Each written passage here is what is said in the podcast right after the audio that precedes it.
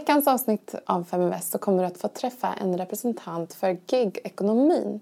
Eh, nämligen en av initiativtagarna bakom Svenska Nomader, Emelie Fogelstedt som också är entreprenör eh, och har upplevt det här själv.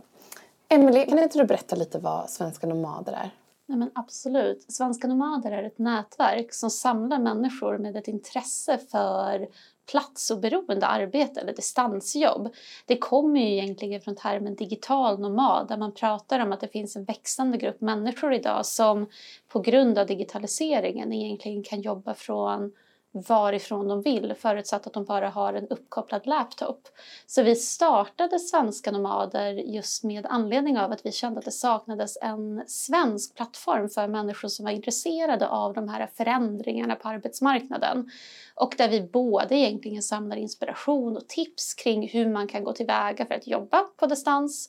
Men där vi även försöker samla mer praktiska detaljer kring vad det kanske innebär med skatter och pensioner och försäkringar om det nu är som så att man väljer att jobba på distans och kanske i första hand att också vara frilansare. Mm, coolt!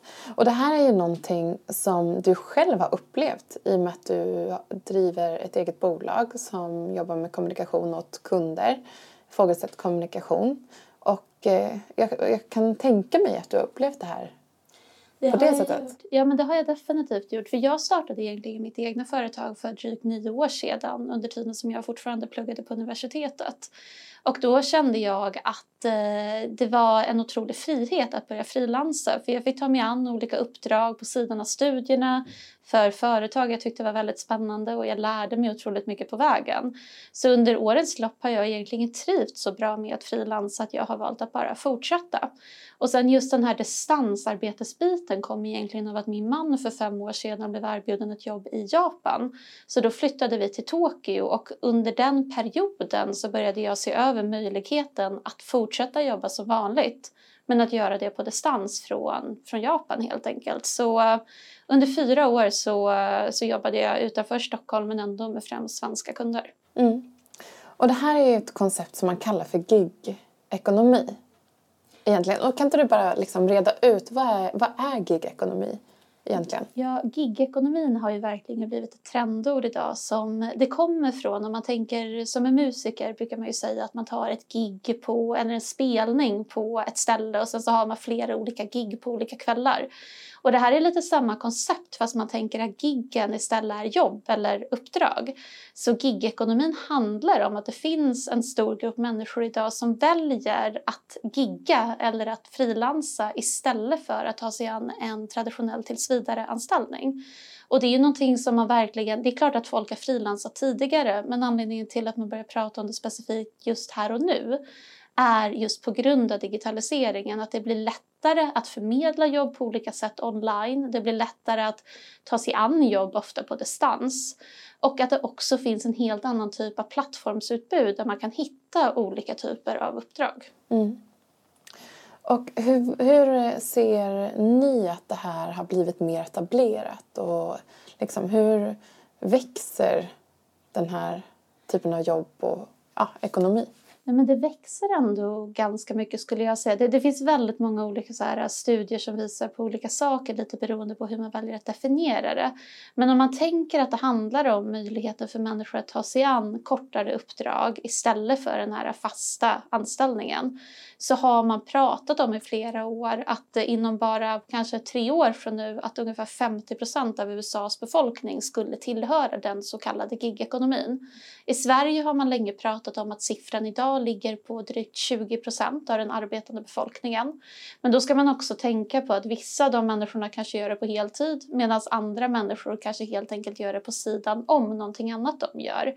Men de indikationerna vi har tagit emot och när man ser studier från både Sverige, Europa och från övriga västvärlden är att det finns liksom en ökat utbud av den här typen av uppdrag och tjänster vilket också leder till att fler människor väljer att gigga framför att jobba på ett annorlunda sätt. Så eh, jag, jag, skulle påstå att det växer och eh, i och med att det gör det så blir det också väldigt viktigt att se över hur samhället egentligen ser ut i stort och hur vi är beredda att ta hand om de här människorna som väljer att jobba på ett annorlunda sätt än vad kanske den svenska modellen traditionellt är byggd efter. Ja. Men vilken är den främsta anledningen till att det har vuxit så snabbt? Jag tror ju verkligen att väldigt mycket har att göra just med digitaliseringen. Delvis såklart att fler jobb går att göra på ett sätt att du faktiskt kan hitta jobben och du kan utföra jobben hemifrån eller att du kan resa runt och göra dem på olika ställen. Men eh, även egentligen att eh, att man ser att många människor idag, det är nästan som att det har blivit mer okej okay att vara entreprenör. Det finns en drivkraft i samhället där det är väldigt många som intresserar sig för att driva eget och starta egna verksamheter och göra egna saker. Så att både utbudet av vad du kan hålla på med, drivkraften och den här okej-stämpeln på att du faktiskt får göra det tror jag tillsammans bidrar till att det växer. Men egentligen först och främst så är det väl digitaliseringen och om man ser i Sverige i stort så har det ju nästan aldrig varit enklare att starta ett eget företag. Och det är ju bara att gå in på verksamt.se som är ett samarbete mellan Skatteverket, Bolagsverket och några andra företag som, eller myndigheter som helt enkelt tillsammans gör en online där du bara behöver gå in och med några knapptryck nästan starta upp ett eget företag. Så att det är ju inte svårt att komma igång idag och det tror jag bidrar till att det är många som ändå väljer den här vägen. Mm. Um, om man, kan man räkna in alltså daytraders i den här statistiken? Det skulle man ju kunna göra, för jag menar det, det är just det där med vad gigekonomin är för någonting, hur man definierar det. För vissa tittar nästan enbart på de här jobbplattformarna och tänker att den som tar ett jobb via en plattform som kanske är eh, freelancer.com eller upwork.com men vi har ju även typ Uber och Foodora och sådana typer av tjänster som ingår i det här att det är de som är giggarna. Men i min mening så ingår ju även frilansekonomin, de som frilansar och kanske driver eget och hittar konsultuppdrag eller andra typer av uppdrag på egen hand. Men jag skulle även absolut kunna säga att den personen som daytradar och på olika sätt och vis försörjer sig eller får en extra inkomst av det som de ändå räknar som en en inkomst de räknar med egentligen varje månad. De, de skulle man ju kunna säga också giggar på ett mm. sätt faktiskt. För det är ju på ett sätt man är oberoende av en specifik plats i alla fall. Så länge man har tillgången till, till eh, banken man, man utgår ifrån. Eller plattformen man tradar på. Nej men så är det ju definitivt. Så jag, jag tror att det är många också inom den här, om man tänker just inom digital nomadvärlden som har pratat väldigt mycket om bitcoin och liknande, att de håller på och tradar med olika digitala valutor på det sättet. Men det är klart att det är inte bara de digitala valutorna utan det är ju alla typer av egentligen fonder och värdepapper och aktier. Så eh, Jo, men jag skulle absolut kunna se att, nu att det växte, är ett sätt. Nu växte gigekonomin några procent. Den gjorde det, eller hur? Nu, nu tror jag att det är 23 procent av Sveriges befolkning faktiskt som tillhör det här. Underbart! Växer snabbt. Ny rubrik i Dagens Industri här. Jag tror det. Eh, men om man då tittar på hur bolagen har liksom anammat det här. Jag vet till exempel att det finns ett, eh, ett fastighetsbolag som fokuserar väldigt mycket på liksom den här typen av Eh, hotdesking-upplägg även för alla typer av kunder för att de tror att det är framtiden och att det även ska, vara, det ska finnas möjlighet för dig att liksom, kommer och lämnar och hämtar kemtvätt på jobbet, att du inte ska behöva gå förbi på hemvägen. Du ska i, i stort sett kunna liksom leva en större del av ditt liv på arbetsplatsen, å ena sidan. Eh, men hur, hur tror du att de här större bolagen anammar den här trenden? På vilket sätt? Nej, men jag tror att delvis gigekonomin tror jag i sig innebär stora möjligheter för traditionella bolag just för att du har möjligheten att ta in olika typer av spetskompetenser i olika projekt eller olika skeden som du kanske egentligen inte har ett behov eller möjlighet att anställa på heltid. Men genom att ta in dem på olika giguppdrag eller ja, frilansuppdrag så kan du egentligen få en väldigt stor eh, samling perspektiv in i ditt företag och olika människor som jobbar med olika typer av projekt hos dig. Så jag vet redan att det finns många företag som liksom har satt i rutin att de verkligen jobbar med frilansare och eh, mer giggare på det sättet. Vissa har de ju verkligen inne liksom på heltidsprojekt under kanske en eh, period på ett halvår. Medan andra faktiskt mer hyr in kompetens så att de är med bara på några timmar inom ett specifikt projekt eller de är med på ett specifikt hackathon eller en workshop så att man får liksom den inspirationen in och de nya tankarna in på det sättet. Mm. Och det tror jag verkligen kommer fortsätta växa, särskilt med tanke på att jag tror att fler människor som besitter den här spetskompetensen kommer se att det finns många fördelar med att frilansa kontra att ha den här fasta anställningen där man bara jobbar på ett och samma ställe. Men när det kommer till just det här med distansarbete och hur man ska jobba och så vidare, där tror jag definitivt också att vi kommer att se att det är många företag som absolut att de redan idag har de här aktivitetsbaserade kontoren där man får sitta lite hur man vill i byggnaden. Men jag tror även att många kommer öppna upp mer för möjligheten att få jobba mer flexibelt vad det gäller plats utanför företagets kontor även att vi kommer se många liksom, hubbar skapas där det både kanske är frilansare och temporära arbetare såväl som folk som är fast anställda på ett företag som kommer dit och sitter och jobbar tillsammans.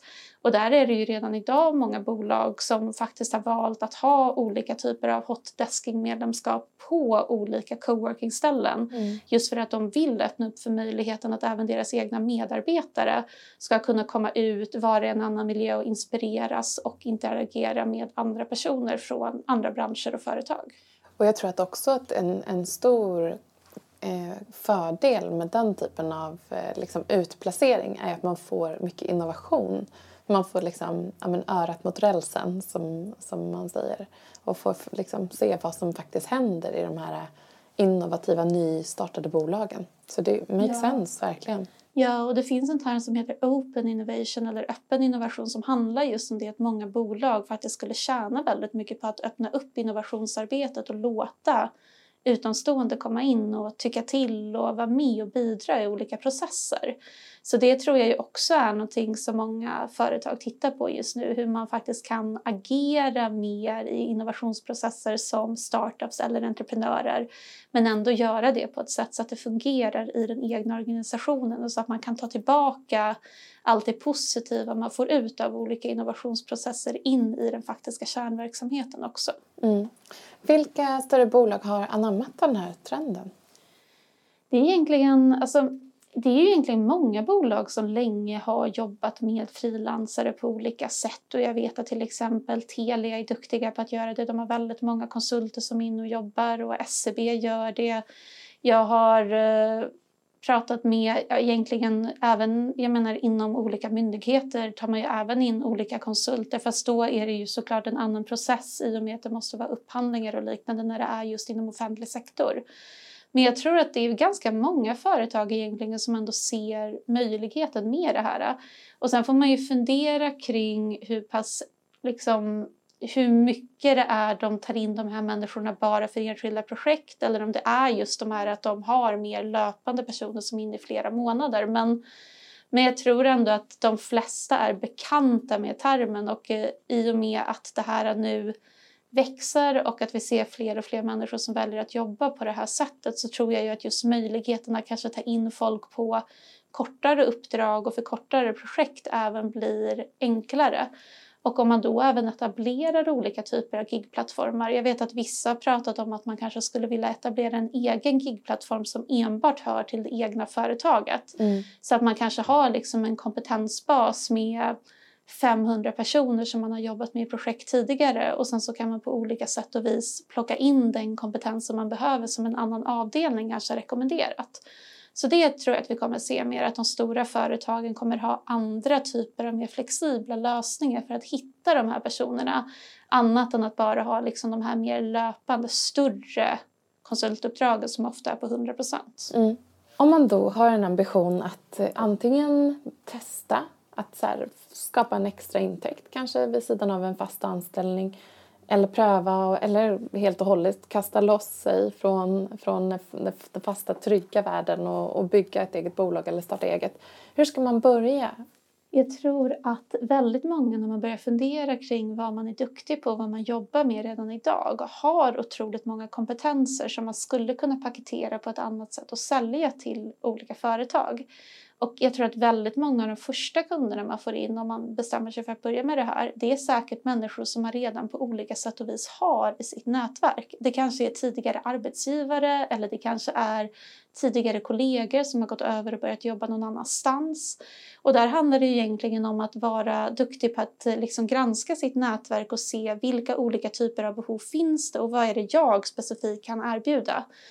Om vi säger till exempel att jag skulle vara expert på sociala medier och jag förstår att det finns en väldigt stor konkurrens i att många idag är duktiga på att jobba med Facebook och LinkedIn och Instagram. Så kanske jag tänker att ja, men Snapchat är nog någonting som inte lika många har valt att specialisera sig på men det är väldigt många företag som ändå är intresserade av det. För att ofta är ju saken den att de här uppdragen, det är ju ingenting som annonseras ut. Jag skulle säga att ofta så vet företagen inte om att de behöver en förrän det att man kontaktar dem. Så då handlar det egentligen om att paketera och komma på en idé och ta den kontakten själv. Inte vänta på att en annons eller ett uppdrag ska utannonseras någonstans utan att mer skapa möjligheten att vara duktiga, eller vara duktig på att presentera vad det faktiskt är man kan erbjuda. För jag är övertygad om att någon som paketerade ett bra erbjudande inom Snapchat som även innehöll målgruppsanalyser och konverteringsanalyser och en strategi för hur man skulle etablera det och komplettera ett företags befintliga närvaro i digitala kanaler skulle kunna få hur många kunder som helst bara för att företag är intresserade av det just nu. Särskilt om de vill försöka nå en yngre målgrupp. Mm. Men det är bara ett av väldigt många exempel. Så uh, fundera kring vad man är duktig på, se över sitt egna nätverk och var inte rädd för att faktiskt ta kontakt och föreslå ett uppdrag snarare än att sitta och vänta på att någonting ska dyka upp. Mm. En fråga, ser du att det är typ jämnt fördelat, kvinnor och män, som, som startar bolag på det här sättet? Ja, men det skulle jag ändå... Min personliga, alltså som jag har kommit i kontakt med så tycker jag faktiskt att det är nästan lika många kvinnor och män. Nu kan det ju också hända att det är flera yngre kvinnor som tar kontakt med mig för att jag också är kvinna och därför så kommer jag oftare i kontakt med de personerna än män som frilansar faktiskt. Men som jag har förstått och som jag sett statistik tidigare så är det ganska jämnt fördelat. Men sen vet jag när du och jag pratade här om veckan att du pratade om statistik att det överlag är fler kvinnor som väljer att starta enskilda firmor medan fler män kanske startar aktiebolag. Och det är ju en väldigt spännande statistik som såklart i längden kanske inte är lika bra för att min personliga åsikt är väl att ett aktiebolag ändå är en tryggare arbetsform i längden om det är någonting man verkligen vill satsa på att vara sin egen. Men sen är det klart att det kanske är enklare att börja med en enskild firma först och då kan jag ändå förstå att fler kvinnor kanske känner att det är ett lättare första steg att ta än att starta ett aktiebolag innan de har hunnit testa sin affärsidé. Du nämnde ju att en av anledningarna till att du, du start, när du startade bolag var att du var student och började tjäna lite extra pengar. Varför var det viktigt för dig att, att ha ett eget bolag annars?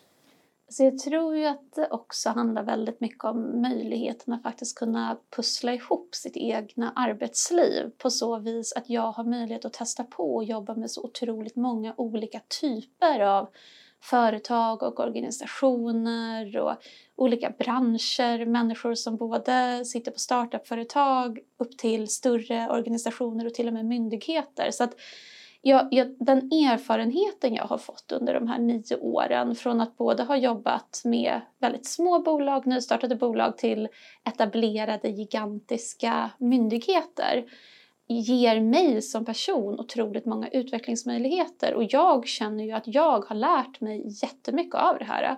För jag tror att jag satt och försökte räkna på det här om dagen och det är väl drygt 70 olika företag och organisationer som jag har jobbat med under de här nio åren.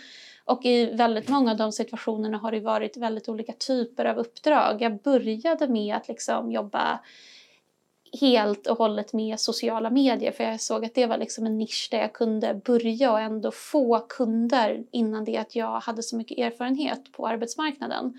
Men sen när jag liksom växte jag mer till att jobba med digitala strategier och mer ge kommunikationsstöd eller kanske lära upp interna kommunikationsavdelningar hur de ska tänka mer i en digital tidsålder. Men just det här mötet med så många olika typer av människor tycker jag är fantastiskt givande.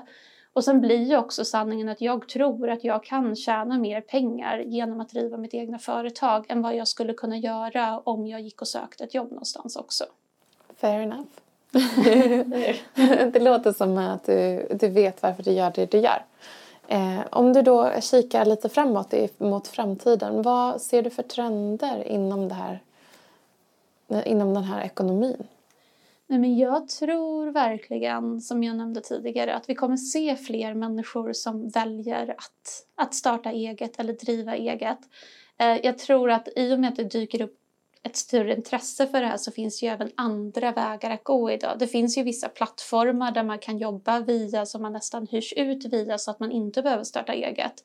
Det finns ju även egenanställningsföretagen som många börjar med idag för att testa där det är ett annat företag som hjälper en att fakturera så att man själv enbart behöver fundera eller fokusera på sitt egna företagande. Och det tror jag fortsatt liksom kommer växa som trend. För jag vet inte om alla liksom är beredda på att bara kasta sig ut och starta ett eget företag dag ett innan de har testat sig för. Och där ser jag verkligen en fördel med att det faktiskt finns de lösningarna att man kan börja lite lätt innan det att man bestämmer sig för att starta någonting eget. Mm. Men jag tror ju också att vi kommer behöva se att olika trygghetssystem i samhället på olika sätt och vis måste anpassas efter att alla faktiskt inte kommer ha en fast tillsvidareanställning på det sättet som man kanske traditionellt har sett i Sverige. Och det har ju allting att göra liksom från föräldrapenning och mer sjukförsäkring och annat till mer eh, liksom, privata saker som kanske har att göra med att ha bolån eller liknande där det är många idag som uttrycker att det är väldigt svårt att få ett godkännande från banken om man liksom inte har ett fast jobb på ett företag de nästan känner till. Så just den trygghetsfrågan tror jag att vi kommer behöva jobba en del med.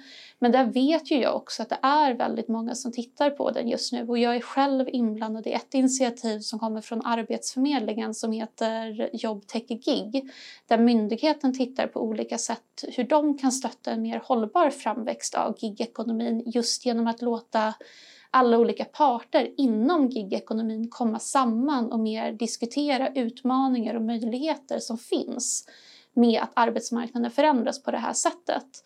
Och det är klart att om vi både har myndigheter, entreprenörer, större företag, enskilda individer och kanske även politiker som diskuterar och jobbar med det här tillsammans så kan vi se vikten i att vi måste hitta nya typer av trygghetssystem för de här personerna.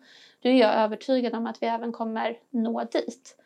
Men sen så tror jag ju att just med entreprenörskap och så, jag tror inte att det är någonting som kommer försvinna. Jag tror att vi kommer se att människor kanske drömmer om att starta eget på ett annat sätt redan från det att de är unga. Det var egentligen ingenting jag tänkte när jag var 15 eller 19 att jag skulle starta ett eget företag utan det blev så. Men jag tror att med de förebilderna som finns idag och de möjligheter vi ser, inte minst i Stockholm med startups och annat som går och blir till och med unicornföretag till sist. Att det liksom finns en helt annan dragkraft och det finns fler förebilder att titta på. Så om man jämför med för nio år sedan att jag ofta kunde få frågan när jag skulle skaffa ett riktigt jobb så kommer den frågan nästan aldrig idag och det tror jag beror på att vi liksom har nått en mognadsgrad i att, att vara egenföretagare eller entreprenör eller giggare på ett helt annat sätt är accepterat av samhället idag. Och jag mm. tror att det kommer fortsätta bli ännu mer accepterat framåt. Mm. Feminvest jobbar ju med ägandefrågan både när, liksom, när det kommer till entreprenörskap men också när det kommer till investeringar. Så jag vill fråga dig såklart, investerar du? Nej, men det gör jag. Utan jag, har, eh, jag har en del fonder och aktier som jag investerar i och jag tycker att det är ganska kul i alla fall att hålla koll på det. Och sen har jag ganska nyligen, jag förstått att jag kanske kunde ha gjort det här för länge sedan, men nu har jag i alla fall även startat upp så att jag har fonder som jag sparar mina företagspengar i. Så att det överskottet jag har och pengar jag får in som jag inte direkt tar ut i lön eller behöver till olika typer av utlägg och så vidare har jag ett månadssparande för så att jag varje månad även som mitt aktiebolag sparar undan pengar och det är ju ändå ganska spännande. Jag vill inte säga att jag är ett proffs på det här men jag tycker att det är väldigt kul och jag har även tittat på möjlighet att kanske gå in och göra mindre investeringar i andra företag som jag tror på för att jag tror ju väldigt mycket på att vi kan stötta och hjälpa varandra som företagare att växa genom att även göra mindre mikroinvesteringar i varandras bolag. Så det är verkligen någonting jag har tänkt att jag ska titta än mer på i år också. Mm. Det tror jag också är väldigt i tiden. Alltså, både tillgängligheten och det är också det digitala. Om du kollar på riskkapital tidigare så har ju 1% gått till kvinnliga entreprenörer till exempel. Om du kollar på, även, om du kollar på liksom hur många bolag som startas i Sverige så är det de säger väl mellan 30 och 40 procent av alla bolag som startas är, har kvinnliga grundare. Eh, så att egentligen så är det ju inte det är inte förenligt med den här en procenten som får riskkapital Nej. utan det är förmodligen fler, fler kvinnor som kan få och borde få investeringar. Eh, och män också för den delen. Det tror jag eh, definitivt. Så det finns ju, det finns någon, och det tror jag kommer komma mycket framåt också. Eh, olika typer av lösningar för entreprenörer att söka kapital. Nej men verkligen. Och där känns det ju superpositivt om man själv som ändå varit igång ett tag, även om man inte kan hjälpa hur mycket som helst. Men att man även ändå kan gå in och vara egentligen pådrivande i den processen. För som jag nämnde så är ju det, precis som jag vet att du också tycker, någonting jag verkligen tror på.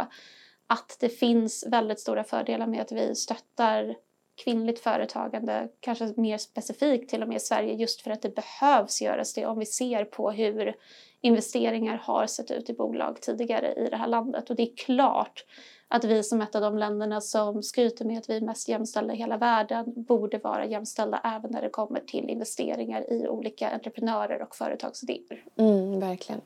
Men du, det här svenska nomader. Man får ju en bild av att en svensk nomad sitter på Bali med en laptop yeah. och i bikini eller badshorts.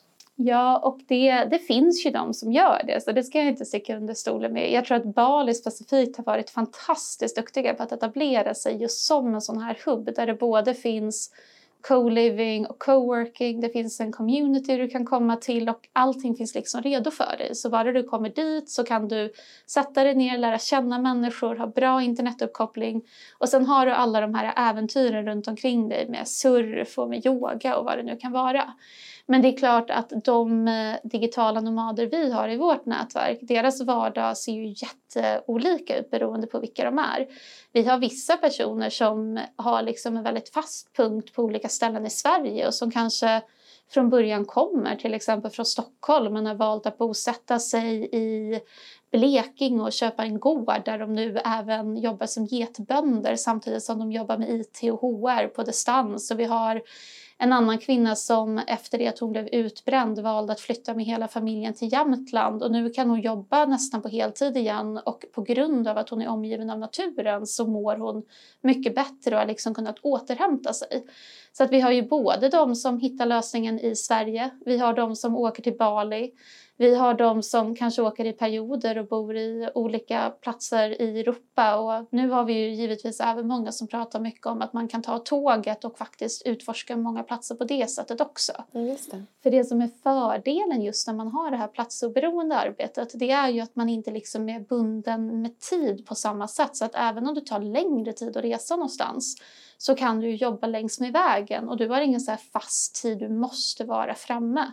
Så där är det ju väldigt många som just ser möjligheten med ett mer hållbart resande som möjliggörs av det faktum att de jobbar på det här sättet. Så nej, men eh, en typisk nomad kan vara allting från småbarnsföräldern som väljer att jobba hemifrån ibland för att få livspusslet att gå ihop till den som helt enkelt säljer av allt de har hoppar på ett tåg och sen så är de ute och reser i två års tid och sköter allting från ryggsäcken egentligen. Så det det är en stor variation, men det som egentligen förenar alla det är just den här längtan efter friheten och flexibiliteten och just att det är digitaliseringen, att de kan jobba via datorn bara de har ett tryggt internetuppkoppling egentligen som gör att den här livsstilen blir möjlig. Mm. Coolt.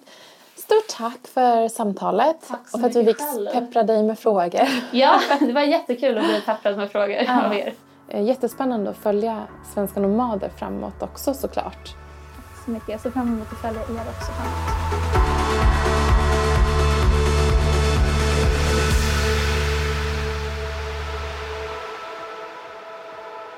Feminvest är Sveriges största investeringsnätverk för tjejer.